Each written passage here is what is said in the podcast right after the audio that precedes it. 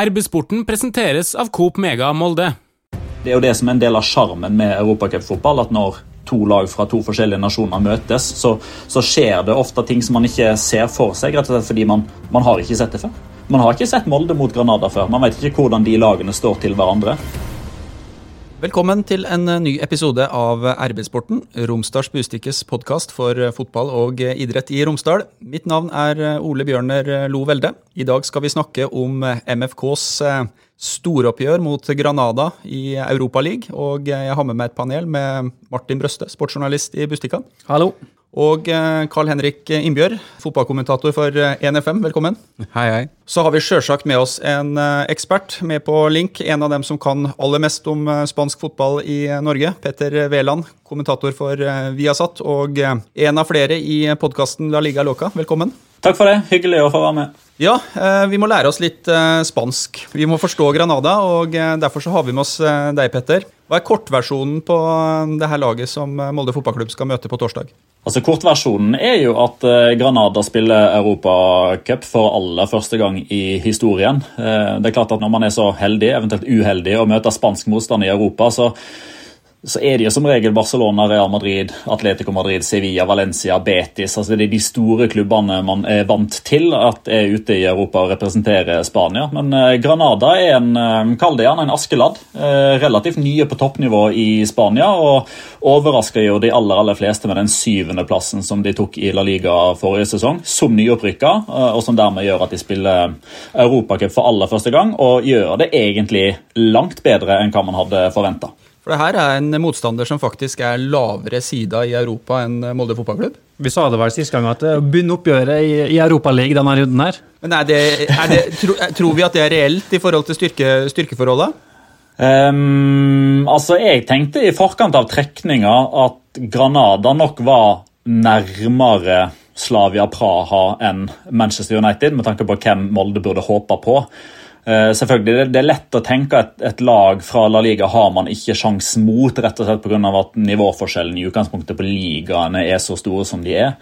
Men samtidig så er det sånn jeg tenker, Skal Molde fotballklubb først møte et lag fra Spania i mars utenfor sesong, så er det en perfekt anledning man har nå til faktisk å slå et lag ut over to kamper. Fordi Granada vi kan sikkert gå nærmere i detalj på det litt senere, men de er på felgen. De er så på felgen med tanke på hvor lang sesongen deres har vært, hvor mange kamper de har spilt, og ikke minst så har de en skadesituasjon som ikke ligner grisen. Så skal Molde noen gang slå et spansk lag over to oppgjør i mars utenfor sesong, så er det nå.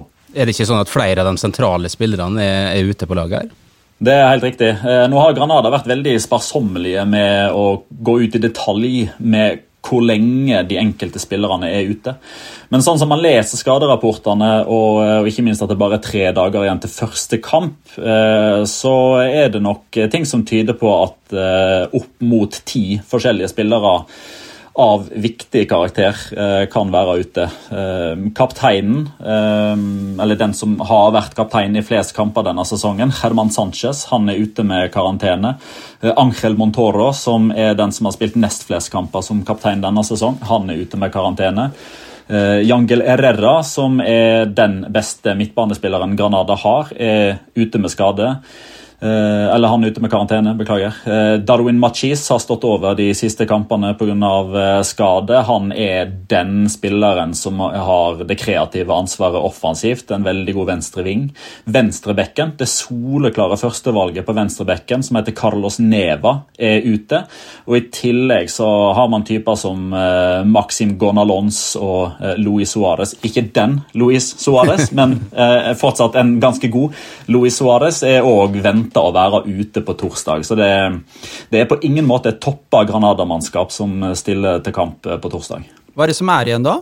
Hvem er det vi skal se opp for? uh, nei, altså, uh, Misforstå meg rett. da, altså, det, det, det, er fortsatt et godt fotballag som skal i aksjon, på nivå med Hoffenheim.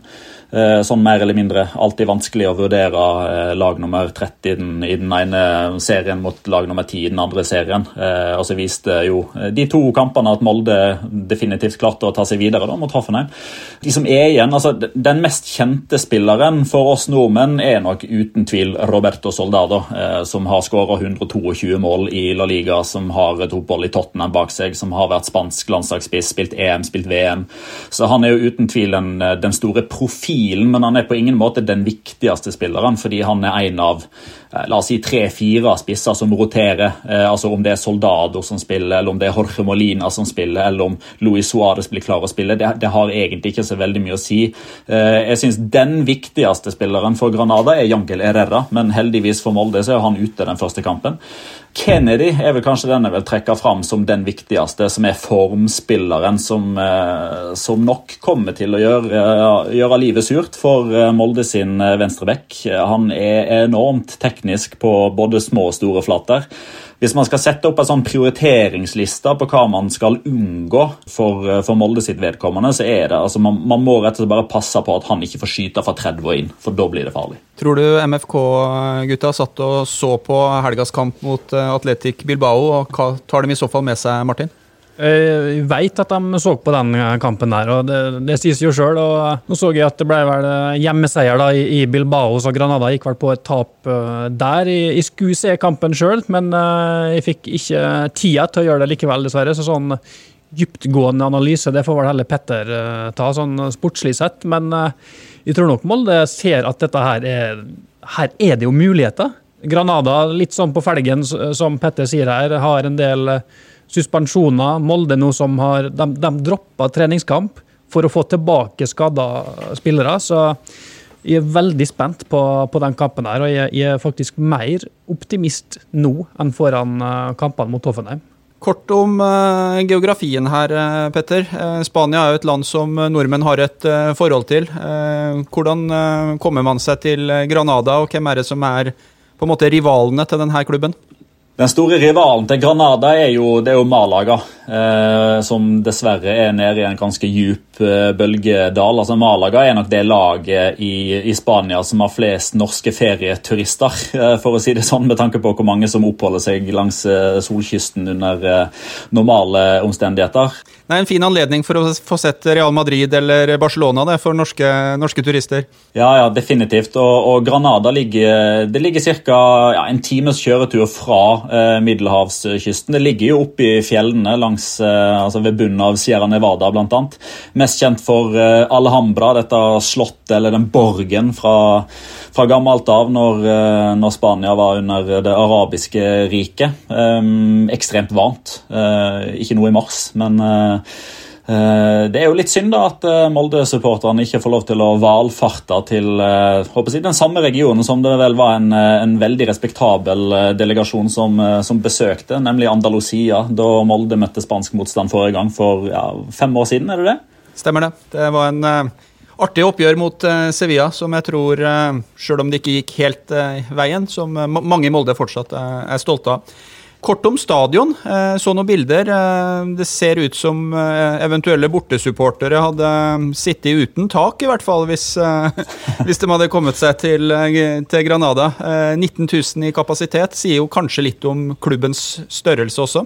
Ja, definitivt. Det er en ganske liten klubb i spansk eh, målestokk. Eh, så er det litt sånn, eh, Trenger man tak på en fotballstadion som ligger i Granada? Det er litt sånn, Trenger man solcellepanel hvis man bor i Rjukan? Altså, de, det, er noen, det er noen klimatologiske og meteorologiske ting som slår inn her, som gjør at akkurat det med å ta seg råd til å bygge tak virker som litt bortkasta penger. Men ca. 20 000.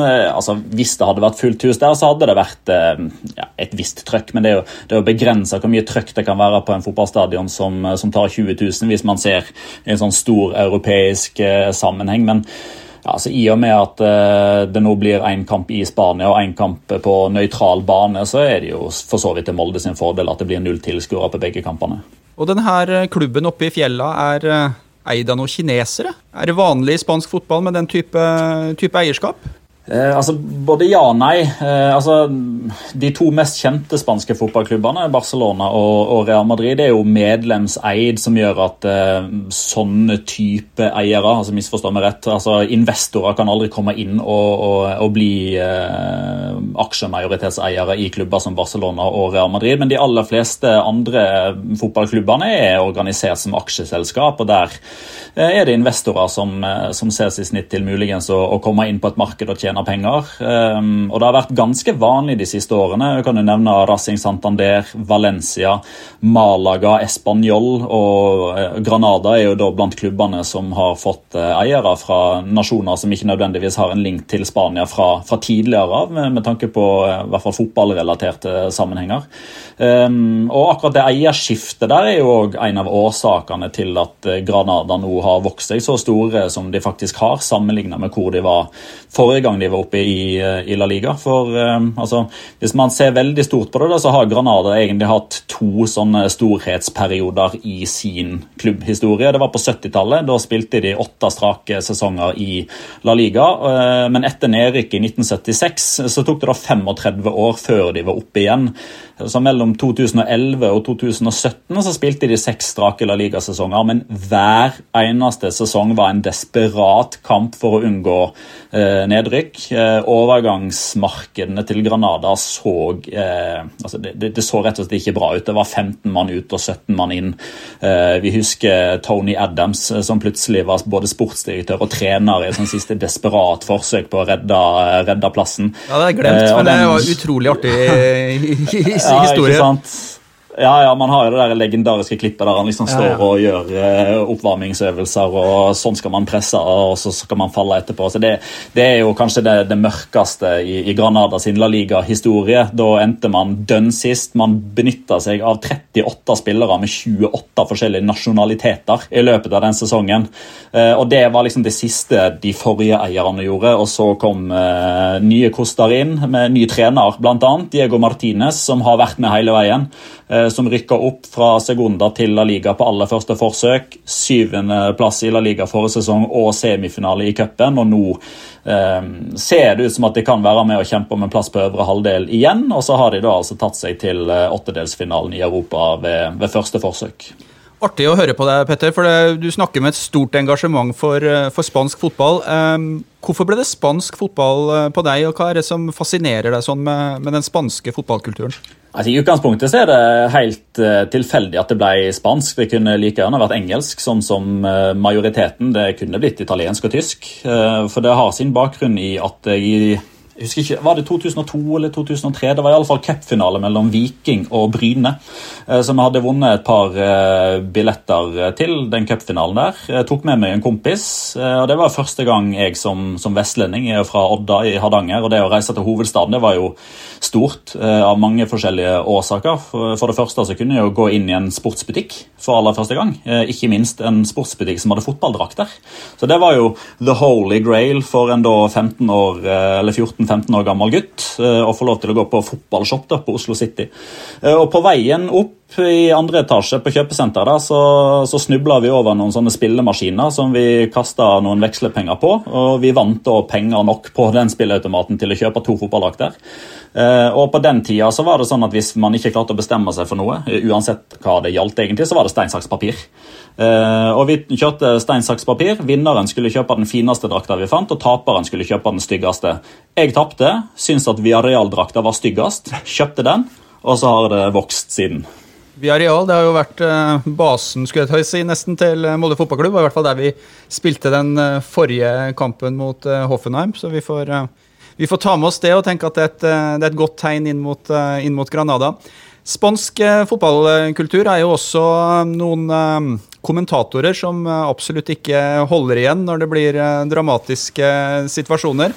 Tror du det er noe å plukke opp eh, her, Kalle, fra spanjolene når det gjelder engasjement? Alltid inspirerende å, å få med seg spansk fotball. Jeg tenker for min del, som har holdt på med dette noen år. Jeg slutter aldri å bli begeistra når, når, jeg hører spanske kamper. og gjerne brasilianske eller argentinske. og Det er fantastisk. Vi hørte jo han spikeren som var da, i, eh, når Molde spilte på Viareal sin, sin hjemmebane, som ropte 'goll, goll, goll', goll, goll, goll! Han har vi jo snakka mye om her i Molde i etterkant. Og så kom her kommer Molde etterpå, ute på stadion. Ja, det var veldig, veldig artig. Tenkte vi skulle ta og eh, høre på et lite lydklipp her nå, ja, for vi har uh, tatt vare på deg òg, Kalle. Når uh, Molde går opp i 2-0 og avgjør mot uh, Hoffenheim, så kan vi nå sjekke om det når spanske høyder. Kommer det en lang ball. Og der er Sheriff konge på den. Skal vi holde på ball? Sentralt, kom an! Slår vi den? Ja da! Kan vi komme gjennom? Er det Ulland? Kom an! Kan vi Ja! Ja! Ja! Ulland Andersen! Ulland Andersen! Han har blitt konge av Europa! Ulland Andersen med sin andre skåring! Og da gjør vi det! Da gjør vi det! Det er spilt 4-15. Det er lagt til fem minutter. Vi kommer til å gå videre! Hadde det ikke vært for det jækla plaksinga, så skulle vi fått en kjempeklem! Kan vel, det kan vel hende at de spanske kommentatorene må høre på dette og bli inspirert? Knut Anders er fortsatt glad for at det var pleksiglass eh, i studio. her. Hva du syns du, Petter? Nei, Imponerende. Det er jo nydelig å høre på. Eh, ikke minst når man, når man har lov til å være så partisk eh, og være åpen om hva slags lag man ønsker seg videre. Det er jo egentlig ganske sjeldent at, at jeg får muligheten til det, for det, man skal jo være nøytral og har ennå ikke fått muligheten til å, å ha en sånn eh, sånn partisk eh, kommentering med et norsk lag i Europa. Det er jo eh, en av de tingene som jeg ikke har tikka av på eh, to do-lista mi. Eh, Jeg synes det er helt nydelig, og dette, dette er nok det nærmeste man har vært eh, spanske tilstander i norsk fotballkommentering siden Frode Olsen stoppa. Hei, Hilde her, fra Coop Mega Molde. Kom innom og se vårt store, brede utvalg av mat fra lokale produsenter. Vi har også gavepakker til den som har alt. Velkommen til Coop Mega Molde. Du var jo inne på det innledningsvis, at dette er forholdsvis ferskt for, eh, for denne klubben. Det var det jo også for Hoffenheim. Og, og jeg tenker at Hoffenheim etter hvert ble litt prega av stundens alvor mot et Molde-lag som tross alt har bøttevis med erfaring fra Europa. Kan vi, kan vi få se det igjen nå mot Granada? At de blir litt pressa? De møter på en måte underdogen som allikevel har mest erfaring? Ja, ja, absolutt. Eh, Det er en viktig komponent oppi det hele. Hvis man skal, eh, hvis man skal liksom forsøke å porsjonere en, eh, eller argumentere seg fram til en prosentvis andel med tanke på hvem som er favoritter til å gå videre, da, så er jo erfaring i Europa det blir jo vekt, vektlagt mer som en positiv faktor for Molde enn for Granada. Primært pga. at man, man har sjelden vært i den situasjonen før. Altså Nå har man spilt uh, Man spilte riktignok utslagskamper på vei inn i Europa League-gruppespillet, men det var bare over én kamp. Så den dynamikken der med å være ute i Europa, møte lag fra andre nasjoner, hjemme, borte, bortebåsregelen, det å spille kortene sine riktig vel vitende om at det kommer en kamp om ei uke, uh, ikke selge seg for dyrt i jakten på en utligning, sånn som Hoffenheim til slutt så seg nødt til å, å gjøre. Det er jo faktorer der Molde som klubb og en god del av spillerne har bygd seg opp eh, erfaring på. Så det er definitivt en, en faktor som kan vippe en eventuell jevn kamp i Molde sin favør. Hvordan tror du kampbildet kommer til å, å bli? Det er jo et Granada-lag som antageligvis mot eh, flere av de største spanske lagene er vant til å måtte forsvare seg. Nå må de nok eh, eie ballen her. Ehm, ja, det er jo veldig spent på, da. Eh, hvem har lyst til å ha mest ball? Ehm, jeg skulle gjerne ha tatt en eh, tur inn i hodet til Mo for å eh, finne ut av hva han tenker der. Granada er et lag som er definitivt mest komfortabel med å la motstanderen ha ball. Ehm, Etter 26 spilte kamper i La Liga denne sesongen så snitter Granada 40,8% ball. Det er nest lavest av alle lag i La Liga. Eh, De er helt på bånn eh, altså i, bunnsjiktet i Europa League òg. Og når man ser kampene mot Napoli, så er jo det på mange måter eh, Eller i hvert fall hjemmekampen mot Napoli, så er jo det sånn, er sånn stereotypisk perfekt kamp for Granada, der motstanderen har ball, føler at de har kontroll, og så smakk så kommer det en dødball og en kontring, og så 2-0, og så er det til slutt det de går videre på. Men jeg tror ikke det er en, et sånn type, scenario som, som de kan benytte seg av eh, i, i samme grad mot Molde, rett og slett av at jeg, jeg tror ikke hva skal Jeg si, jeg tror ikke de lar seg lure til å alltid ha ballen i like stor grad som Napoli gjorde det. fordi Napoli er vant til å styre fotballkamper, og det er jo også Molde vant til å gjøre i Norge. men ikke nødvendigvis i Europa. Så det er veldig spent på å se de første 10-15 minuttene av kampen på Los Carmenes på torsdag. rett og slett Hvem har lyst til å ta initiativet i kampen? Eh, og Blir det som pokerspilling? Blir det en taktisk kamp? Eh, ønsker Granada å avgjøre dette på eget gress, eller er de såpass fornøyd med at bortekampen går på nøytral bane med gjeldende bortemålsregel? Jeg er veldig spent på hvordan den, eh, det åpningskvarteret kommer til å bli med tanke på, på hvem som eier ball. Hvis du tar utgangspunkt i spansk presse, så vil de være ganske harde med Granada hvis eh, de skulle finne på å, å ryke på et tap mot Molde fotballklubb. Altså Presset ligger på dem, favorittstempelet ligger på, på spanjolene. Det gjør det, definitivt. Eh, og når jeg sier at det er en perfekt anledning for Molde til å slå ut et spansk lag, så er det jo med visshet at eh, håper jeg, nærmest ja, uansett hvem Molde hadde møtt, eh, så syns jeg de hadde vært underdog sånn i utgangspunktet. Rett og slett pga.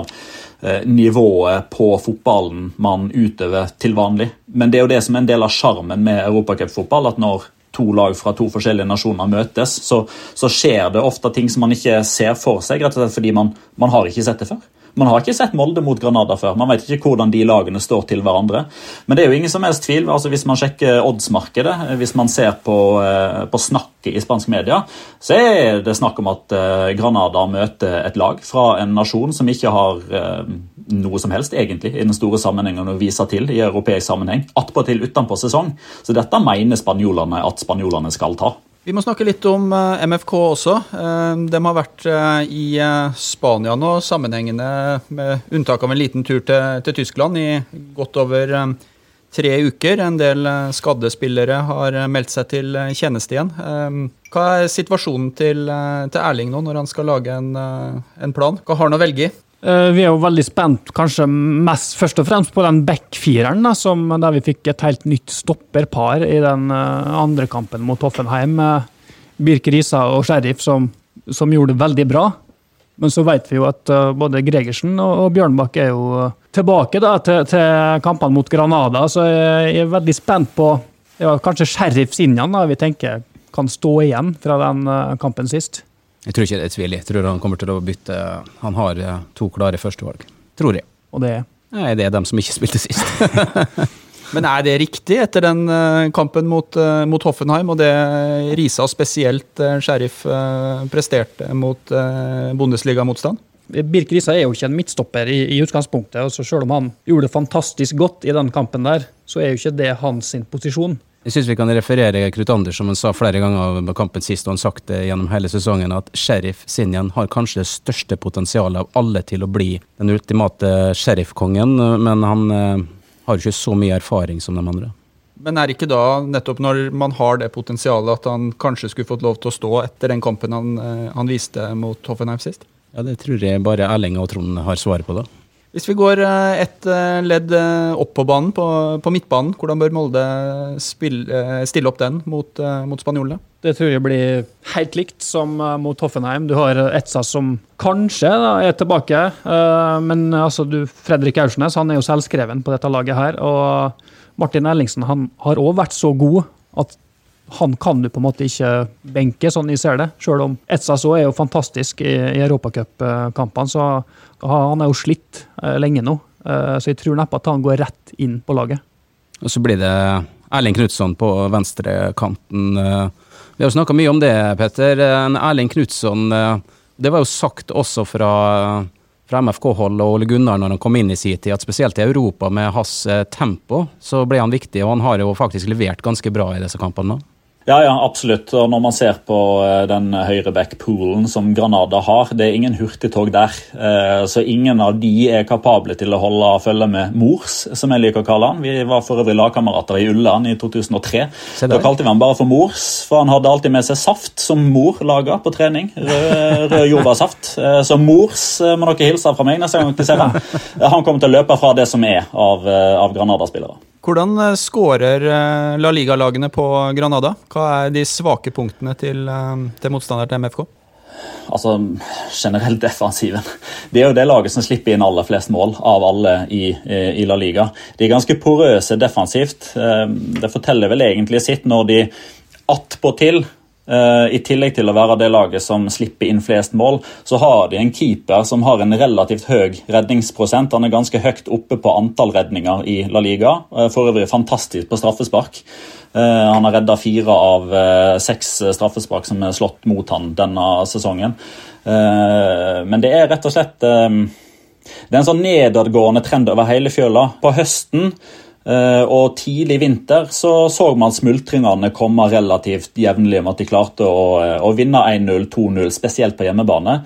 Eh, men etter hvert som skadene har bygd seg opp, en enorm slitasje, som vi var inne på, så, så starta jo Granada sesongen med tre kvalikkamper til gruppespillet, som gjorde at de starta sesongen enda tidligere enn de andre spanske lagene. De har ikke fått utsatt noen La Liga-kamper, så de har spilt alle de kampene de skal i, i, serien. og I tillegg så gikk de jo til kvartfinalen i, i den spanske cupen, inkludert to ekstraomganger, som gjør at antall minutter spilt for veldig mange Granada-spillere begynner å nærme seg et litt for høyt nivå. Eh, Diego Martinez hadde nok likt å, han hadde nok likt å, å, å porsjonere og rotere litt etter behov og ønsker mer enn pga. nødvendighet pga. skader. Eh, og Det er nok eh, en, en del av forklaringa til at man nå ser en langt større sånn baklengstrend hos Granada. Det er bytter fra kamp til kamp. Det er relasjoner som ikke sitter. De har ikke spilt sammen. Det er nærmest nye forsvarsfirere fra kamp til kamp. Um, så det er definitivt muligheter. Altså, skal Molde ta seg videre, så tror jeg ikke de kan forsvare seg til noe avansement. De må angripe. Tror dere Molde er eh, parat til det? Vise den offensiviteten? Jeg tror vi får se et kampbilde som er ganske likt i det som var mot Hoffenheim. At uh, Molde må ingenting her, spesielt ikke i den første kampen. Så er det jo, hvis Molde ikke slipper inn mål, så er jo det et kjempeutgangspunkt. Og det kan jo fort motstanderen tenke også. Jeg tror Petter, du har litt rett i det. Har en eh, feeling på hvordan det blir her første matchen. da. Ja, vi har begynt å snakke oss litt inn i det, for vi pleier jo mot, uh, mot slutten av episodene å begynne å, å våge oss frampå med noen uh, tips. Jeg pleier å være så vidt uh, jeg skulle ikke si sleip, at jeg lar de andre få tippe først, og så avslutter, avslutter jeg. Men vi har danna oss et ganske bra grunnlag nå. og Vi tar, tar utgangspunkt i den første kampen i, i Spania først. Martin, hvordan tror du det går? Nå har vi jo funnet alle gode grunner da, til at Molde skal vinne og gjøre det bra her, så det er jo litt skummelt, egentlig. Men uh, jeg tipper det at vi får to uh, ganske forsiktige lag, så 0-0. Ja, jeg tror det blir litt forsiktig også første matchen. Jeg er faktisk litt uh, enig i det. Det kan fort bli det. Men 0-0? Ja. Vi har sittet og fått høre om porøse forsvar og uten sesong og det laget som slipper inn mest. Og... Men jeg tror neppe at Molde kommer til å gønne på offensivt. og å jage det bortemålet. Jeg tror heller det at det, det, viktigste her det er å stenge igjen bak og ikke slippe inn mål. Jeg har lyst til å høre med deg, Petter, du som kan uh, spansk fotball uh, best. Er vi, plasserer vi oss sånn cirka riktig på kurven, eller er vi litt optimister, eller? Nei, men optimister, altså. Det, det, det, må og skal dere jo være. Det, det er jo jeg òg som nordmann. Jeg ønsker jo at Molde og alle andre norske lag skal gå så langt som overhodet mulig. og Jeg prøver jo å finne argumenter for det. Eh, bare loggføre da at eh, av de 42 kampene Granada har spilt denne sesongen, så er det tre som er endt 0-0. Eh, så det er ikke, sånt, det er ikke en gjennomgangsmelodi at de, at de holder nullen og ikke skårer. Jeg føler liksom at når man nå har brukt en, ca. en halvtime på å snakke om problemene til Granada, så kunne man jo ha snakka ganske lenge om, om, hva som er bra med Granada. Eh, så eh, jeg må jo nesten jeg, gå tilbake til det, eh, det, utgangspunktet med at jeg anser nok de aller fleste spanske lag som favoritter over to kamper mot et norsk lag, sånn på generelt grunnlag. Og jeg, jeg, står for det. Jeg mener at det er en 60-65% mulighet for at Granada går videre, men det er et lavere prosentandel enn hva det ville vært i en sånn normal situasjon, i og med at kampen ble spilt i mars. Eh, så jeg syns at Molde har definitivt bedre og større muligheter enn hvis eh, ting hadde vært normalt for Granada, hvis de hadde hatt eh, sin beste elver tilgjengelig, hvis de ikke hadde vært nede på tannkjøttet. Så da må man jo gripe de ja Det er vel ikke halmstrå, det er ganske, ganske store busker man kan ta tak i, med at man gir de 35-40% som er mer enn, enn hva man normalt sett skulle ha gjort. Men i den første kampen i Granada så, så syns jeg de har vært såpass hjemmesterke at der, der er jeg nok ganske sikker på at Granada vinner. men men Molde kommer nok til å leve hele veien inn. Jeg tror kanskje det hender 1-0 på Los Carmenes, og så kan alt skje i Ungarn. Jeg tror um, egentlig enig i ganske mange av resonnementene her, men jeg er optimist da, og har lyst til å være litt uh, offensiv. Og så hadde det vært veldig spennende å se et motsatt kampbilde, hvor uh, Molde fotballklubb faktisk hadde hatt en ledelse å forsvare i Ungarn. Så ettersom jeg har privilegiet med å, med å tippe til sist, så tror jeg på seier i Granada. Yes. 2-1 til, til Molde fotballklubb. Oi. Vi er kommet så langt i Europaligaen nå at selv om det ikke er lov med tilskuere, så så er det litt uh, supporterengasjement og litt stemning. Og noen som faktisk mener at en åttendelsfinale i Europa League fortjener en egen sang. I hvert fall hvis motstanderen heter Granada. Så jeg tenkte vi skulle lytte litt, ja, hvis vi tør. Ja da, vi skal rive ned Alhambra. Slike kamper du må ha. Med Eirik Ulland Andersen skal vi vinne hele skiten. Ja, vi skal vinne Europaligaen. Ja, det er Lama Vik som har eh, lagd det her. Han har vært i kontakt med Vassendgutane, fått lov til å dikte litt. Eh, sa at han eh, hadde måttet tydd til et og annet nødrim for å få låta ut før han skulle på hytta, men den har blitt ganske populær. Martin, hva du syns Uh, nei, jeg skal holde meg til fotballfaglige, men uh, den har i hvert fall gått sin uh, seiersgang på Facebook. og Det er vel bortimot 10 000 avspillinger der på bare noen dager. Så det lå jo i korta at det måtte bli en sånn sang da når det ble Granada, så da er vi fornøyd. Han blir mer populær her enn hos Granada, tror jeg. Ja, Eh, hvordan tror du spanjolene hadde tatt imot det her hvis, um, hvis det hadde kommet en flokk med blå og hvitkledde med det her på en, en høyttaler, Petter? Hadde de forstått noe? Nei, det, det, tror jeg. De hadde nok skjønt Granada. Eh, og så hadde de sikkert lurt på oi, hvorfor synger de om oss. Eh, de regner sikkert med at det hadde vært eh, med, med negativt fortegn.